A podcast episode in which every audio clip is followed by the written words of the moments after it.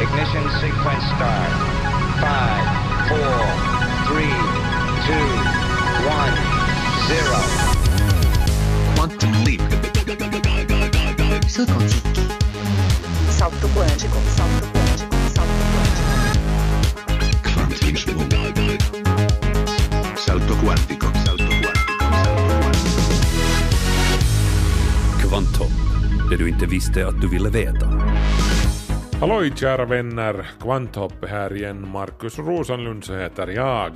Det stora samtalsämnet just nu som ingen kan undvika är flyktingsituationen i Europa och den berör ju också oss här i Finland. Den berör dig och mig förr eller senare om vi sen vill det eller inte. Men även om det är tragiskt onekligen att så många tvingas fly sina hemländer så är följderna för till exempel Finland inte nödvändigtvis negativa alls. Det här ska vi fundera på i dagens program. Det finns nämligen en rad positiva saker som kan ske då människor rör på sig. Det här sammanfattar utvecklingen i byn Riace i södra Italien som vi ska höra mer om idag. No, de hade hämtat alltså liv till byn, de hade skolan fungerat igen, de kunde ha överhuvudtaget en skola, den hade ju stängt och nu hade de kunnat öppna den igen. Uh, vi talade med butiksägaren som hade, det fanns en liten butik och med barägaren och de var ju nöjda förstås för att det var mera kunder. Så alltså i Italien som svenska Yles Jessica Stoltzman har besökt. Men det finns också exempel i vår närmiljö. Så här konstaterar stadsdirektör Hans-Erik Lindqvist i Närpes. Det har varit en injektion för oss att det har kommit då unga familjer där då föräldrarna har jobbat och, och barnen har ju då gått till dagis och skola och så vidare. Så att det är ju, det, samhället har ju på det viset kunna leva vidare som ett, som ett väldigt livskraftigt samhälle. Mer om de ljusa sidorna av att vi får ett tillskott av folk i form av flyktingar i dagens kvanthopp. Senare ska vi också tala om ett av de kanske mindre uppmärksammade globala miljöproblemen, erosion, som bland annat hotar att förstöra våra dyrbara odlingsmarker. Tryggad livsmedelsförsörjning har blivit en allt viktigare fråga för alla världens regeringar. 94 procent av vår mat kommer nämligen från marken, jordmånen. Men vi utvinner också fibrer, bränsle och biobränsle ur jorden. Mer om det här mot slutet av programmet. Alldeles strax ska det bli notiser här i Kvanthopp.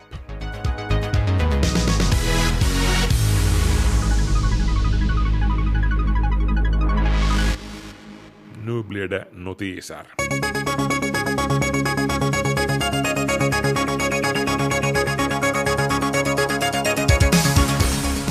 Vad är det tråkigaste du vet? Att stå i kö finns säkert i topp femman gissar jag, åtminstone i min. Eh, speciellt som köande är ett onödigt slöseri med tid, enligt ny forskning på temat. Det finns ett enkelt sätt att undvika onödigt köande om man vänder helt och hållet på steken och betjänar dem som står sist i kön först.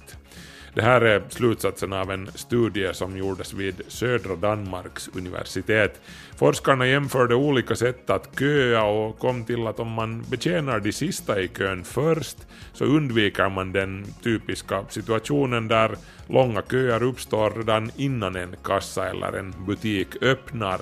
Då anländer folk i en jämnare, mer utspridd ström.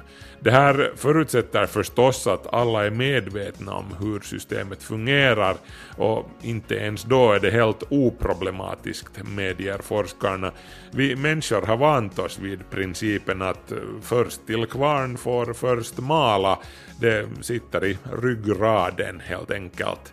Allra bäst sägs det här fungera med att man betjänar de som kommer sist först i telefonköer där folk inte kan se de andra som kommer senare och får förtur. Just du är ju naturligtvis en bättre bilförare än genomsnittet, vem är nu inte det, men det finns de som menar att största delen av dagens trafikolyckor skulle gå att undvika med självkörande bilar.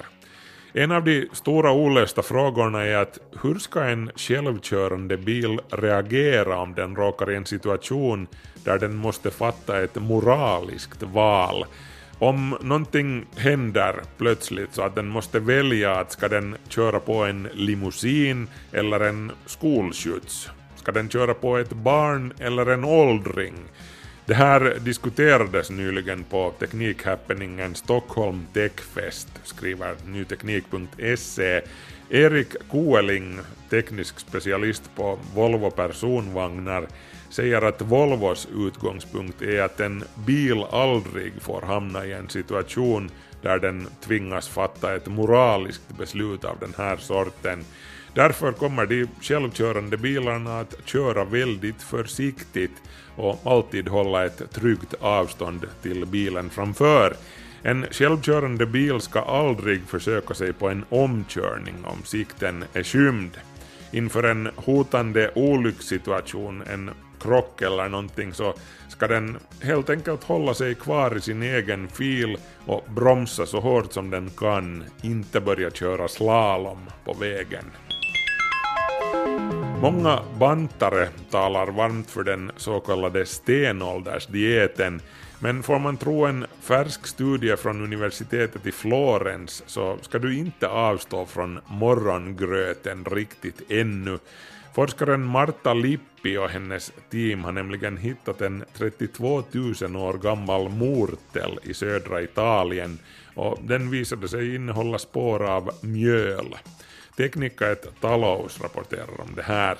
Eh, 32 000 år sedan, det här är alltså långt före människan slog sig ner och började bruka jorden.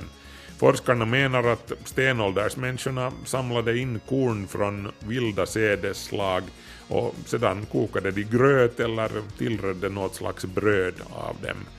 Analyserna visar att man värmde upp kornen redan innan man malde dem eventuellt för att de skulle torka. Det här var under istiden då klimatet i södra Europa var kallt och fuktigt. Dr. Lippi säger att malandet av sed var arbetsdrygt med dåvarande metoder, men mjöl som näringsform var ypperligt för stenålderns nomader i och med att det är lätt att förvara och transportera. Den privata rymdfarten har hittills representerats av ett enda namn, företaget SpaceX med sin Dragon-kapsel. Också den har bara använts för obemannade flygningar. Sedan NASA tog sina rymdfärjor ur bruk har situationen varit lite pinsam för USA i och med att de har tvingats vända sig till ryssarna när de vill ha skjuts upp till internationella rymdstationen. Men snart blir aktörerna fler i och med att också Boeing, som likt SpaceX har fått finansiering av NASA, börjar vara klart att ge sig in i leken. Boeings rymdkapsel som hittills har kallats CST-100 fick ett riktigt namn häromdagen. Den heter nu Starliner, ungefär kärnkryssaren eller rymdkryssaren. Ett pompöst namn för en liten rymdburk för fyra personer kanske någon tycker. Nå, hur som helst så räknar man nu med att både Boeings och SpaceX bemannade kapslar kommer att ha sina jungfruflygningar år 2017. För hundra år sedan stod vi vid den kommersiella flygtrafikens tröskel. Nu befinner vi oss vid den nya kommersiella rymdfartens gryning, sade Boeing-chefen John Elbon på en presskonferens nyligen.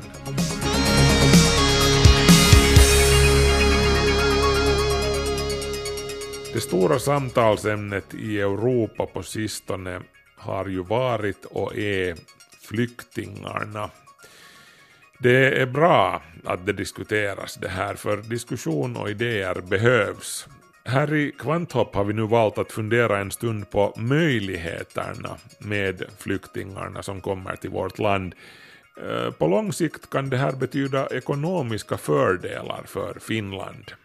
Chefen för pensionsbolaget Ilmarinen, Jaakko Kiander, skrev i veckan i sin blogg om att vi antagligen har omkring 100 000 nya invandrade flyktingar att se fram emot i Finland de kommande åren. eftersom flyktingsituationen som nu uppstått inte går över i första taget. Och Kiander menar att det här är bra, alltså de hundratusen som han tror att kommer. För vad vi i Finland behöver är arbetskraft och här har vi potentiella arbetstagare. Så här säger Jaakko Kiander. Om vi tänker på, på längre sikt i samhället, det skulle vara bra sak för oss. Vad skulle det betyda? Det skulle betyda att, att vi ska ha mera arbetsföräldriga människor här och, och det kommer att öka arbetsutbud. Och, och det, det, kommer också att minska den offentligsekonomins hållbarhetsunderskott som, som är nu, nu för tiden problem. Underskottet skulle halveras om inflyttarna sysselsattes i lika hög grad som övriga befolkningen, menar Kiander.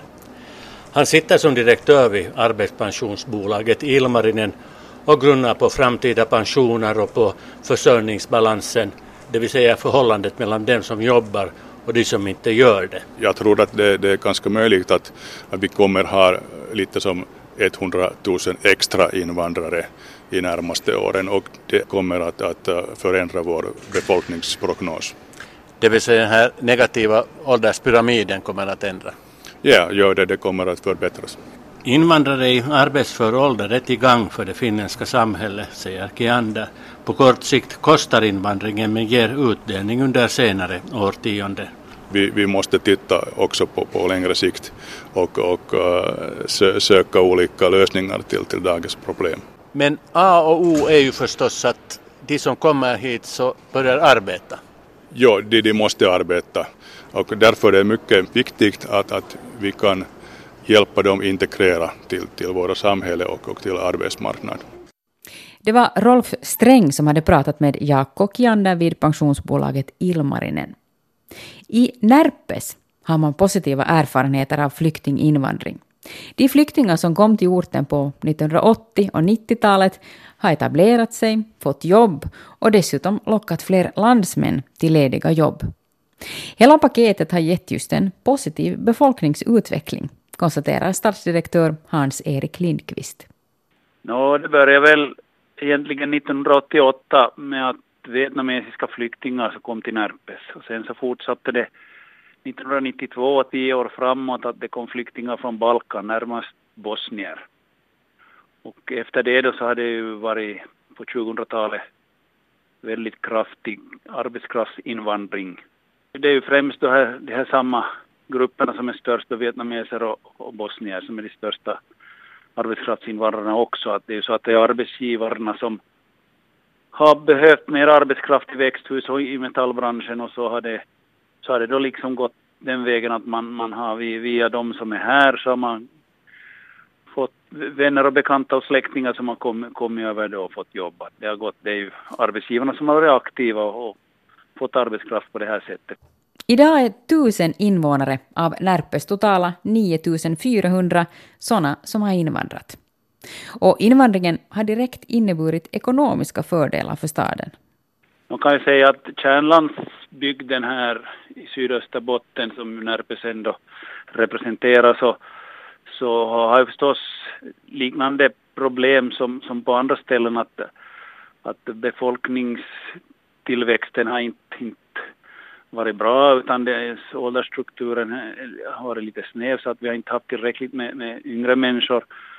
Och det har ju gjort att eh, det har varit en injektion för oss att det har kommit då unga familjer där då föräldrarna har jobbat och, och, barnen har ju då gått i dagis och skola och så vidare. Så att det är ju, det, samhället har ju på det viset kunnat leva vidare som ett, som ett väldigt livskraftigt samhälle.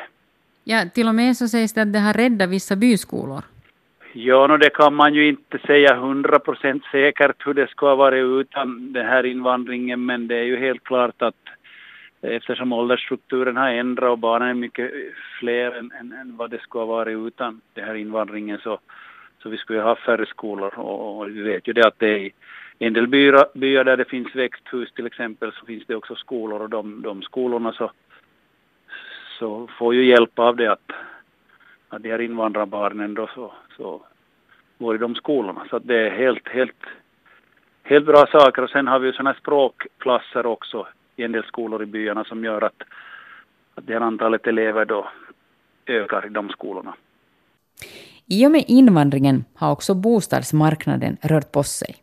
En del av de här som har bott lite längre i Närpes så köper ju faktiskt oftast då lite äldre bostäder i byarna eller också lite äldre lägenheter i, i höghus i centrum och det gör ju att det liksom blir en omsättning på, på de här bostäderna. Byarna blir mera levande och, och de som vill, kanske då äldre människor som vill flytta in till, till centrum har en möjlighet att, att få sin bostad så, såld och, och det blir liksom en, ett flyt i hela samhället på det sättet att det, det, det blir en, en naturlig rörelse, de här pengarna rör på sig och, och det hjälper ju upp alla, alla byggnadsbranschen och andra branscher så, så så har ju nytta av det här förstås. Hur är det med butikerna, bybutikerna? Ser man någon skillnad där? Eh, no, det är klart att bybutiker finns det till en del kvar också i Närpes. De har säkert nytta av det, men också alla, alla affärer förstås, även här i Närpes centrum. Så det är klart att det ska handlas dagligvaror av de här människorna hela, hela tiden. Och, och vid renoveringar av hus och sånt så, så köps det ju byggnadsmaterial och så vidare. Så att det, det är ju klart att eftersom invånarantalet på det här sättet det hålls konstant eller lite ökar så, så hjälper det upp vårt samhälle på ett, på ett mycket bra vis. Ju fler som arbetar, desto fler är det som betalar skatt.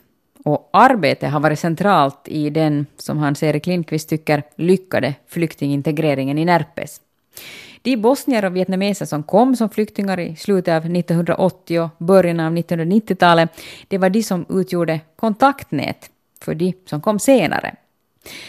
Då senare behövdes arbetskraft i Närpes och de som då kom hade redan på förhand kontakter till en arbetsplats.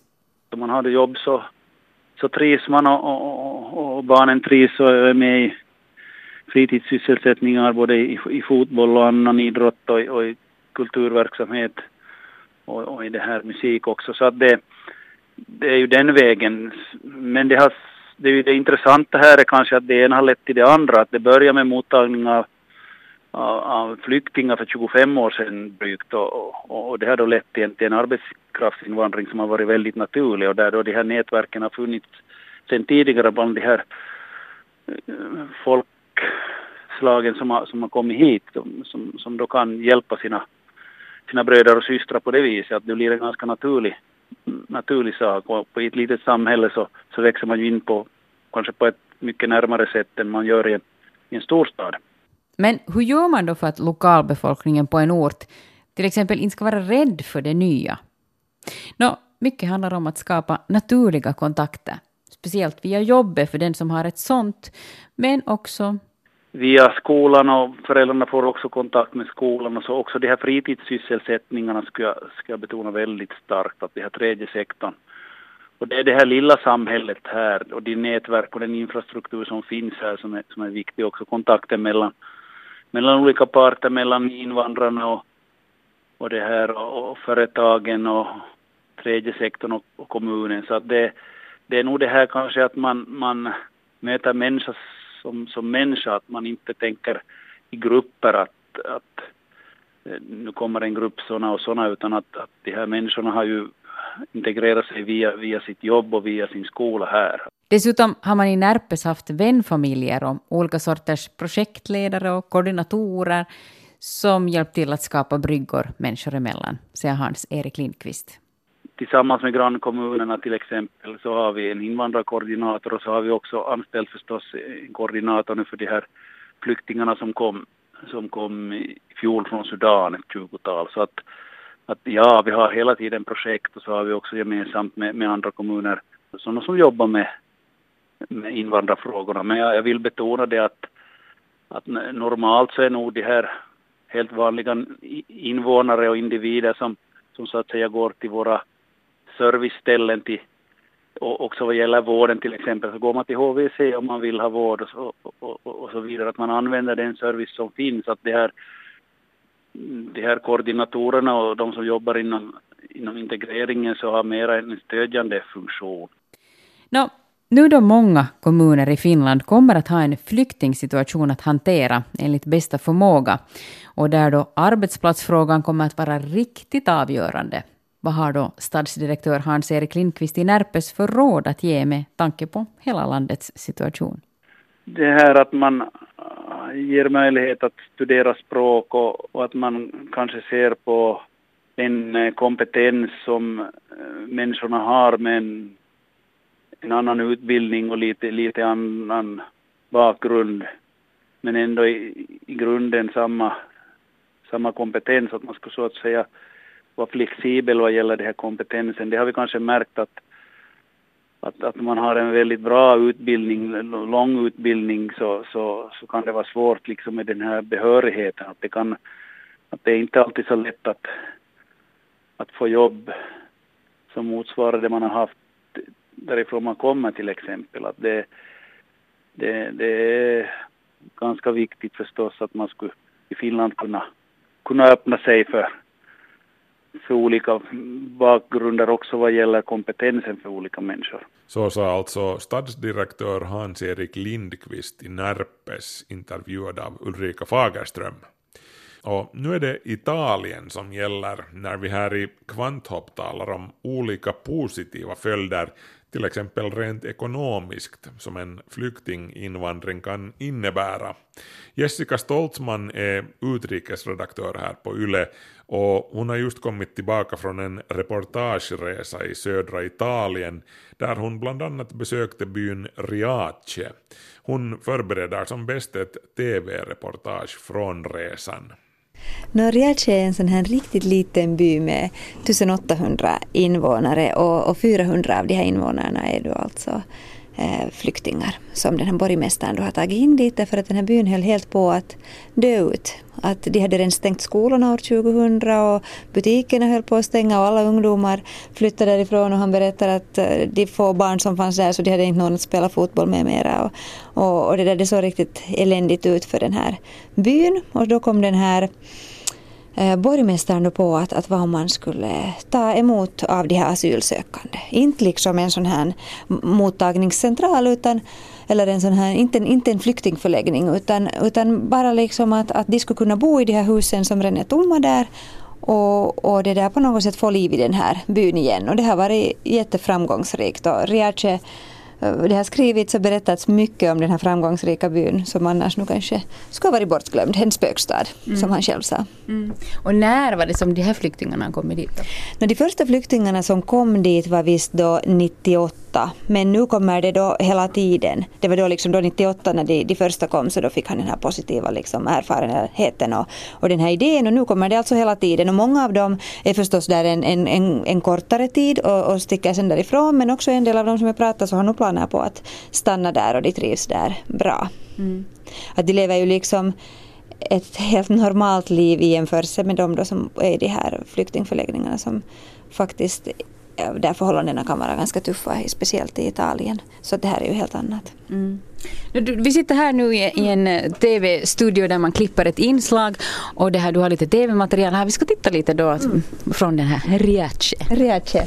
Ja, det här är alltså, här kan man se Riace på avstånd så ser man en sån här idyllisk liten by uppe på en kulle och det är lite roligt för att de har byggt den här byn uppe på en kulle en bit från kusten just för att de var så rädda för främlingar, för pirater som kommer från havet.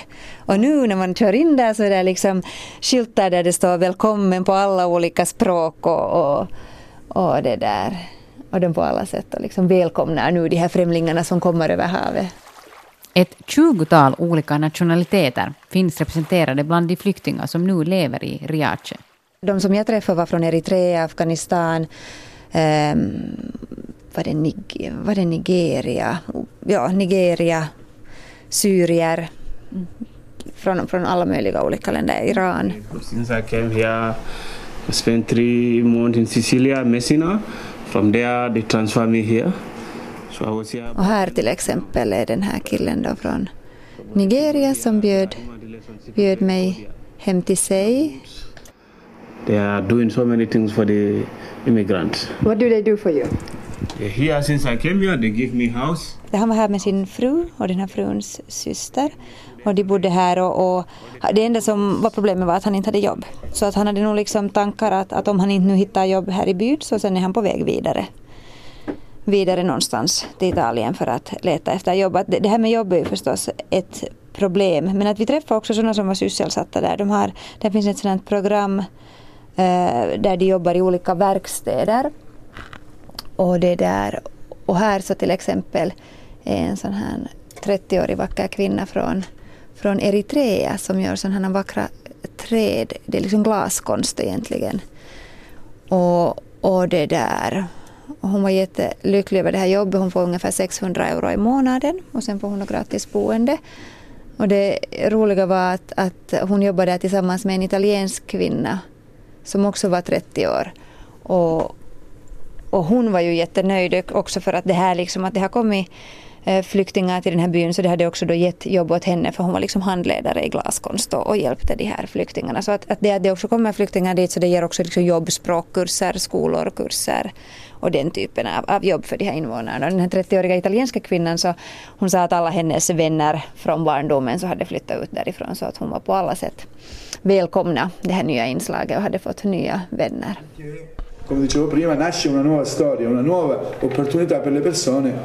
Den lokala borgmästaren är glad. Så han var ju liksom, han var ju en helt underbar människa som, som just var av den åsikten att, att det är så fantastiskt att vi har räddat de här flyktingarna och de här flyktingarna har räddat vår by.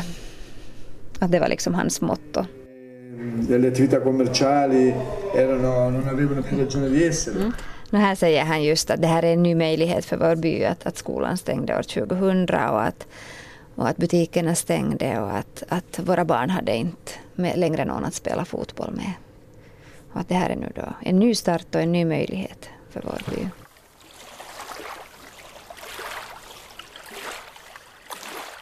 När du talar med, med folk i allmänhet, eller liksom folk överlag, då, så var, de, var de flesta tyckte att det här var en bra sak eller, eller var det då delat? Ja, den här butiksägaren var just glad i och med att det betydde mera kunder och mera liv i byn och glada barn och så här. Men sen talade jag med, med tre sådana gubbar som jag kan visa bild på dem här. De ser så småsura ut där de sitter utanför, utanför borgmästarens hus och det där och klagar över att, att de här, och pekar på de här mörka afrikanerna som sitter lite längre ifrån dem, att de bara kommer hit och de äter och, och lever gott och, och har det mycket bättre än, än vi. Så de var, de var liksom allmänt sura. Och sen när jag frågade att men hade inte kommit hit för att rädda byn så, så bara fnös de. Att de var nu inte så nöjda. Nå, till sist ännu, eftersom det har lyfts fram att det ska vara väldigt viktigt att ganska fort hitta arbete åt flyktingar som ska etablera sig på ett nytt ställe. Hur ser det ut med den saken i den syditalienska byn Riace? No, en del av dem var som sagt sysselsatta i de här verkstäderna och tjänade då lite mer. Annars så tror jag att de fick 250 från staten i månaden. Alltså inte då från den här byn utan från den italienska staten för uppehälle. Byn stod då för den här liksom, att de kunde bo i de här tomma lägenheterna. Och sen de som jobbade fick 600 eller 650 i månaden. Men det var ganska få som var sysselsatta på det här sättet. Så det är ju nog ännu ett problem. Mm. Och, och, och, det var ju medveten om och det gör ju också att många av de som kommer dit så fortsätter sen vidare. Men det här är ändå ett alternativ till de här flyktingförläggningarna. Mm. Och en del av dem kommer säkert att stanna kvar där och, och, och, det ger på ett annat sätt liv i den här byn. Jessica Stoltzmans reportage från Riace kommer inom kort att sändas i TV Nytt och hittas då också via Svenska Yles webb. Det var Kvanthopps Ulrika Fagerström som hade pratat med henne. Kvanthopp, det du inte visste att du ville veta. För er som kom in i sändningen under de senaste minuterna eller så, så kan jag berätta att vi har talat om flyktingar här i Kvanthopp. Vad flyktingkrisen i Europa kan ha för följder för Finland i det långa loppet. Ja men varför ska ni blanda in politik i ett program som Kvanthopp, kanske någon nu undrar. Ska ni inte låtsas vara någon sorts vetenskapsprogram? Nå, tja, Eh, Kvanthopp är främst ett program för folk som undrar hur saker och ting fungerar. A händer och leder till B, vilket i sin tur får C att inträffa, orsak och verkan. Flyktingkrisen i Europa är i allra högsta grad ett fenomen som kräver förklaringar. Dess orsaker är komplicerade och dess verkningar är om möjligt ännu svårare att överblicka. Hur gick det så här och vad leder det till för vår del? Jag tycker att det är vår skyldighet att försöka reda ut de här sakerna. Eh, nu finns det ju förstås de som helst bara skulle skippa allt sammans. För många frågor och en massa svar som jag inte vill höra. För att jag inte tycker om att det kommer en massa främmande folk hit och jag vill inte ha dem här för vem vet vad det leder till. Tja, nå, grejen är ju den att vi vet nog ett och annat om vad det leder till men vi utgår ofta från att det bara leder till dåliga saker. Men för det första, som vi har hört idag, så är det inte så. Och för det andra, även om just du råkar höra till dem som helst inte befattar dig med, med de här sakerna, så kan ingen av oss ändå undfly det faktum att vi lever i den riktiga världen. Och det som händer där ute kommer förr eller senare att påverka mig här inne. Det, det, liksom, det går inte att fly från den slutsatsen. Det här får mig kanske lite osökt att tänka på tiden då jag brukade segla. Jag hade en segelbåt, en IF-båt på 8 meter, en bastant långkölad sak som jag brukar kryssa fram och tillbaka i på Finska viken och Skärgårdshavet, ofta ensam. Jag kommer ihåg en gång då jag råkade i en storm ute på Hangö Västra. Eller den här gången hade jag en kompis med mig så jag säger att vi råkade i en storm. Den blåste upp som från ingenstans, plötsligt bara så vrålade vinden runt om oss och vågorna växte tills de var som hus och regnet stod som spön på däcket. I något skede sen så kom en våg och bröt loss utombordsmotorn från sin ställning på akterspegeln och sköljde den ner i havet. Där ligger den ännu någonstans på bottnet på Hangö Västra. No, det här säger någonting om att det var på allvar det här. Eh, jag minns hur jag tänkte då vi satt där och kämpade oss fram mot Hangö över det rasande havet med vinden tjutande i ryggen, att jag önskar att det bara skulle bli tyst och lugnt och att vinden skulle sluta yla och att båten skulle sluta häva sig upp och ner bara för en liten stund, för en minut, så att jag får samla mina tankar. Att jag får ta ett steg åt sidan ur hela den här situationen, bara för en liten stund.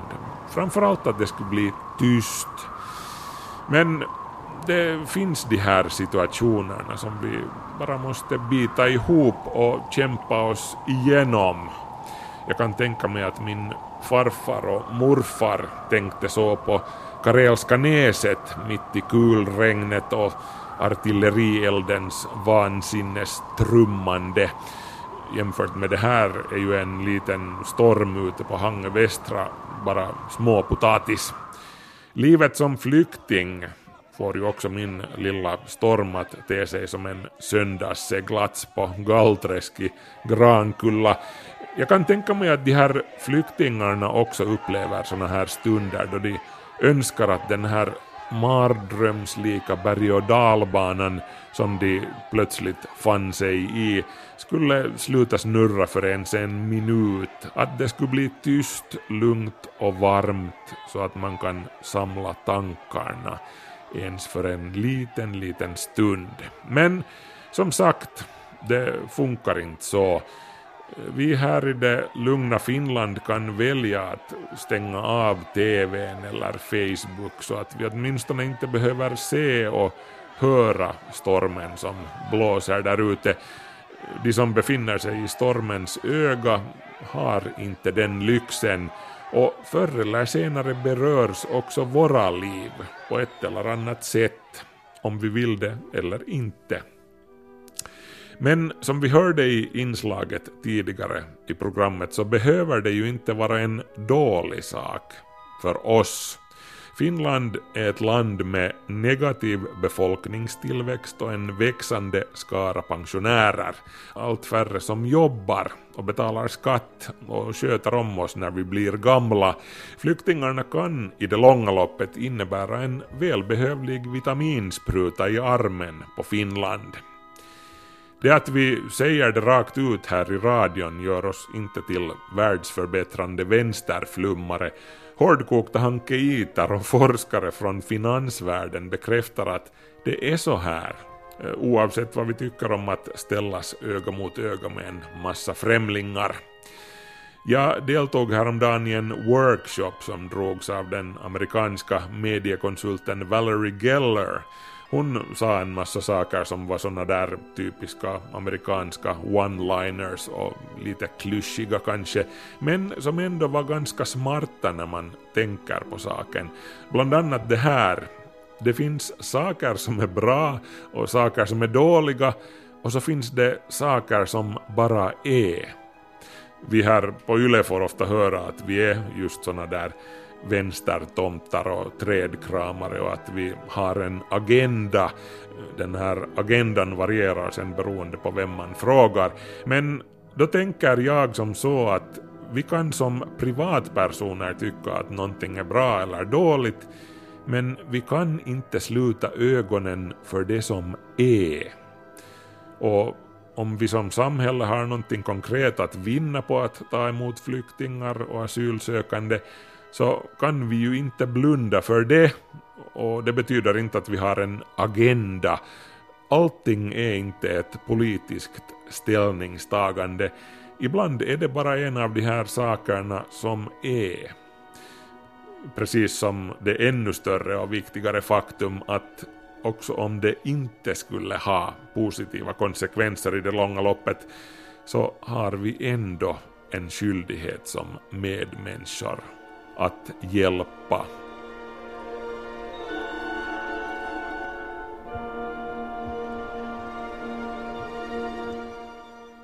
Kvanthopp snabela yle.fi Varje år spolas omkring 7 miljarder ton jord bort från vår planets landyta och ut i haven. Det här är så mycket som 40 gånger snabbare än den naturliga erosionstakten. Det är alltså vårt fel än en gång. FN beräknar att varje år förlorar världen en yta av åkerjord som motsvarar ungefär Ukrainas storlek. Allt på grund av erosion orsakad av torka, skogsskövling och den globala uppvärmningen. Soil security is a big issue that is moving up the agenda. And what do I mean by soil security? I mean that we gain so many goods and services from soils. Most people sort of think about soils in terms of food production. 94% of our food, for example, comes from soils.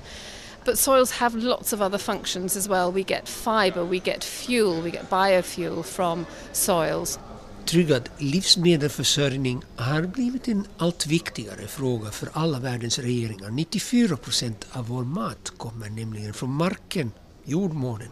Men vi utvinner också fibrer, bränsle och biobränsle ur jorden och samtidigt blir det allt viktigare att vi lagrar vatten i marken eftersom det kan hindra eller bromsa erosion och extrema flöden. Överloppsvattnet kan under torrperioder vara en viktig tillgång för jordbrukare och denna vattenreserv under markytan kommer i framtiden att bli väsentlig. Jag talar med Jane Rickson som är professor i erosion och miljövård vid Cranfield University som ligger 80 kilometer norr om London. We also use soils to store a lot of water, which is so important during droughts, but also to mitigate floods, for example. And we've seen all over the world that very intense rainstorms, which is associated with climate change, these extreme weather events, are requiring us to store more water to prevent these floods. Soils also store a lot of carbon, which is very important for mitigating climate change and greenhouse gas emissions. Koldioxid, kväve, fosfor och organiskt material lagras också i marken. Och det är viktigt att förhindra att erosion frigör dessa gaser och grundämnen som sedan hamnar i atmosfären och därmed förvärrar växthuseffekten. Mark med en välbalanserad organisk struktur har en hög vattenupptagningsförmåga. För att uppnå jämvikt ska det ingå bland annat kol och kväve i markstrukturen som då även är mindre känslig för jordskred och erosion. En åttondedel av Europas landareal utsätts för vattenerosion och den pågående klimatförändringen kan förvärra situationen om vi inte nu redan tar åtgärder. Jane Rickson berättar att hon reser världen runt för att diskutera med kollegor och även ministrar hur man kan förhindra erosion. Erosion is uh, universal. It's the same process wherever you are in the world. And for that reason I've been fortunate to visit a number of countries. Erosion är ett universellt problem. Själva processen är överallt likadan, säger Rickson. Ihärdig nederbörd leder till att bördig jordbruksmark spolas bort och går förlorad. Än så länge är erosionsproblem mycket större på de södra breddgraderna i Skandinavien eller England där jag bor. Men växthuseffekten påverkar redan klimatet. Här i England har vi i år inte haft en riktig sommar och nu vet vi också att juni månad i år globalt var den varmaste sedan man började föra statistiker. 2014 var i genomsnitt det hetaste året i Europa på många hundra år. It's when you get this very rapid spring snowmelt that can cause very high rates of erosion. Is upptar 9 större utrymme än vatten och tjälen lyfter marken. När tjällossningen kommer igång påverkas som bekant väglag, byggnader och alla avlopps och vattenledningar. Men i framtiden blir det varmare på våra breddgrader och vi kan förvänta oss mindre tjäl. Däremot ökar nederbörden, men vid fel tidpunkt. Det kommer möjligen att förorsaka vattenbelastningsskador, översvämningar och jordskred. Och vi måste försöka bilda oss en uppfattning om vad klimatförändring innebär för lantbruket i framtiden, säger Jane Rickson. Cranfield University, där professor Rickson föreläser, erbjuder för doktorander välansedda utbildningar inriktade på livsmedels och jordbrukssektorn. Universitetet ligger på landet och har därför utrymme för stora forskningsanläggningar och till och med ett eget flygfält. Patricia is interested in the effect of climate change on soil erosion. So she is subjecting her soils to a cooling regime and then a heating regime, and she's looking at the fluctuation in temperature and how does that affect soil stability, or soil erodibility as we call it. Jane Ricks visar runt i ett av utrymmen där en av hennes studenter utsätter en jordplätt för hetta och kyla för att försöka komma underfund med hur temperaturväxlingar kan påverka jordmånens stabilitet och erodering. So what we're hoping to find is that she will simulate these different changes in climate and then answer the question, well, will we get more erosion or less erosion? Because frankly, we don't know the answer to these questions. Vi vet för lite om vilken effekt klimatförändring kommer att ha och hur jordbruket ska anpassa sig. Med hjälp av forskning kan man utveckla modeller som till exempel kan hjälpa med växtodlingsplanering. De flesta jordbrukare tillämpar nu redan någon form av erosionskontroll. And we can do all sorts of things. Not only can we look at erosion, but we can also look at erosion control using chemicals to try and control erosion, using geotextiles. Behind you here, you'll see some of these natural and synthetic fibres. This is a jute product that is used on railway and road embankments to try and control erosion. Erosionskontroll kan ske med hjälp av kemiska insatsmedel som konstgödsel och bekämpningsmedel. Geotextil, alltså en vävd matta av polyester eller termoplast, kan effektivt förstärka en dålig undergrund. Mattorna används nu främst för att förhindra jordskred på järnvägs och vägbankar. Geotextil blir dyrt när man ska täcka stora areal och därför utvecklar professor Rexon tillsammans med studenter mattor gjorda av säckväv, alltså naturfiber, som är mycket billigare och kan skapa sysselsättning i utvecklingsländer som till exempel Bangladesh. What we do is we simulate that rainfall. So as I say, we can simulate different rainstorms. En annan av Ricksons masterstudenter gör simuleringar med hjälp av en programmerbar regnmaskin som efterliknar naturliga regnförhållanden. På anläggningen har man byggt ett antal sluttande rabatter som kan anpassas efter behov. Man kan minska eller öka lutningen. Jordtypen kan också varieras. Ihärdigt regn på sluttande mark utan växttäcke leder till förlust av jordpartiklar, alltså organiskt material som rinner bort. På Cranfield University undersöker man hur man kan skydda mot den här typen av erosion. And here we're using some what we call biorolls, which are filled with compost or bark which simply breaks up the slope length so that that runoff never becomes erosive, never actually picks up soil particles. And it also keeps some of that water on the slope where it can be used by the crop.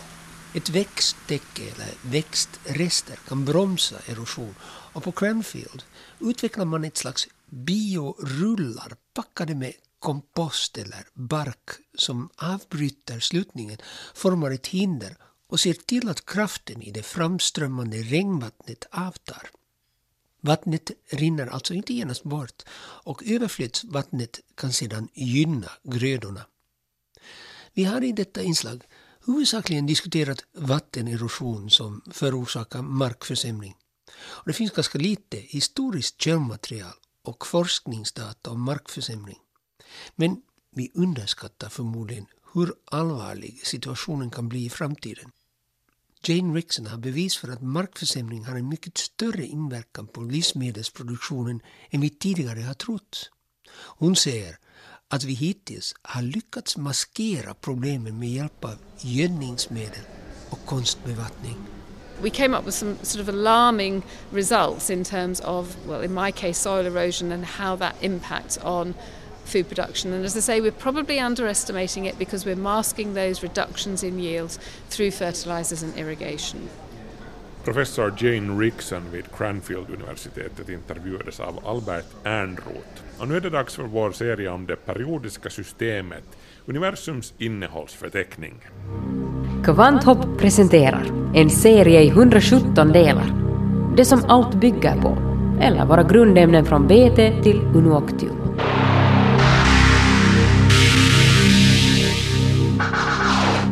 Atom nummer 105, dubnium, kemiskt tecken DB.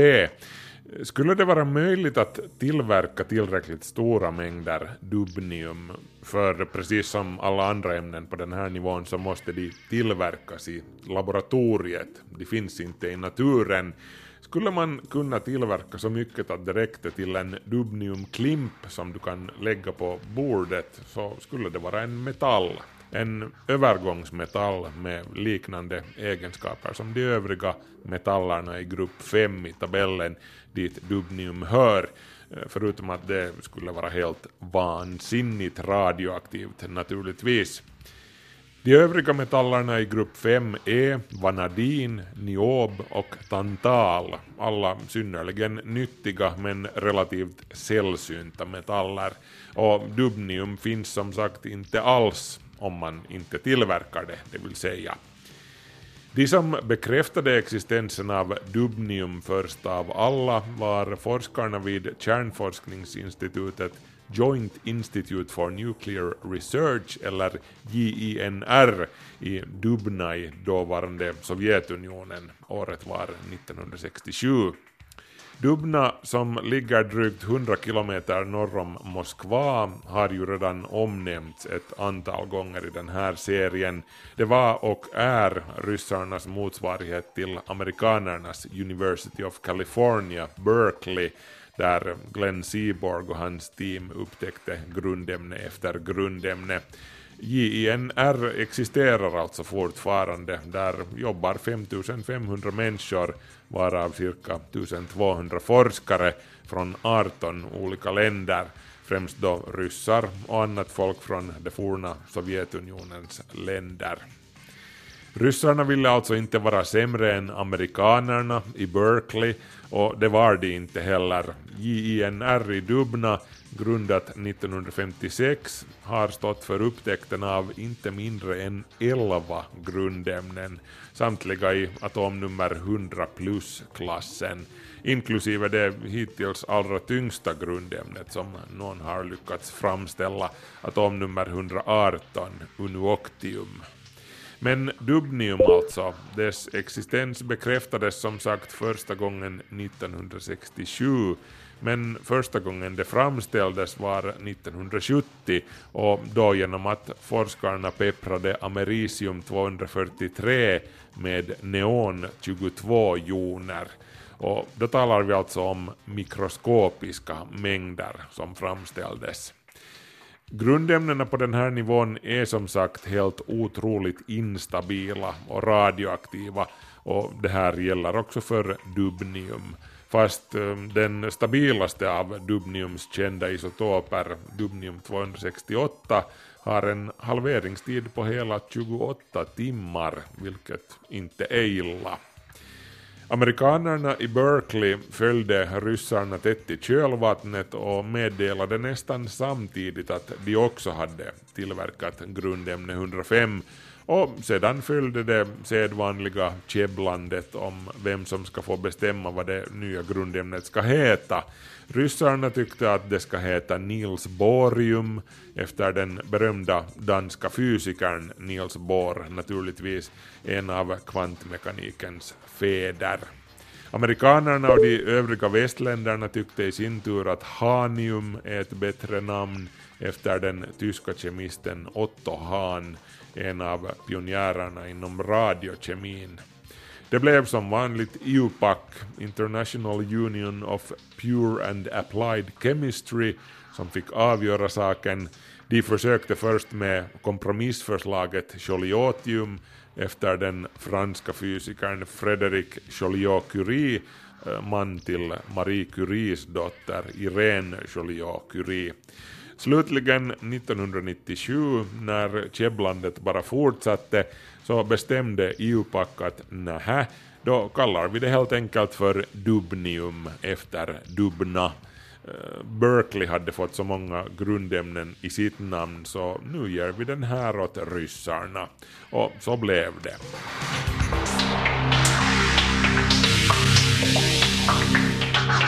Du har hört del 105 i Kvanthopps serie om våra grundämnen. Nästa vecka Seaborgium.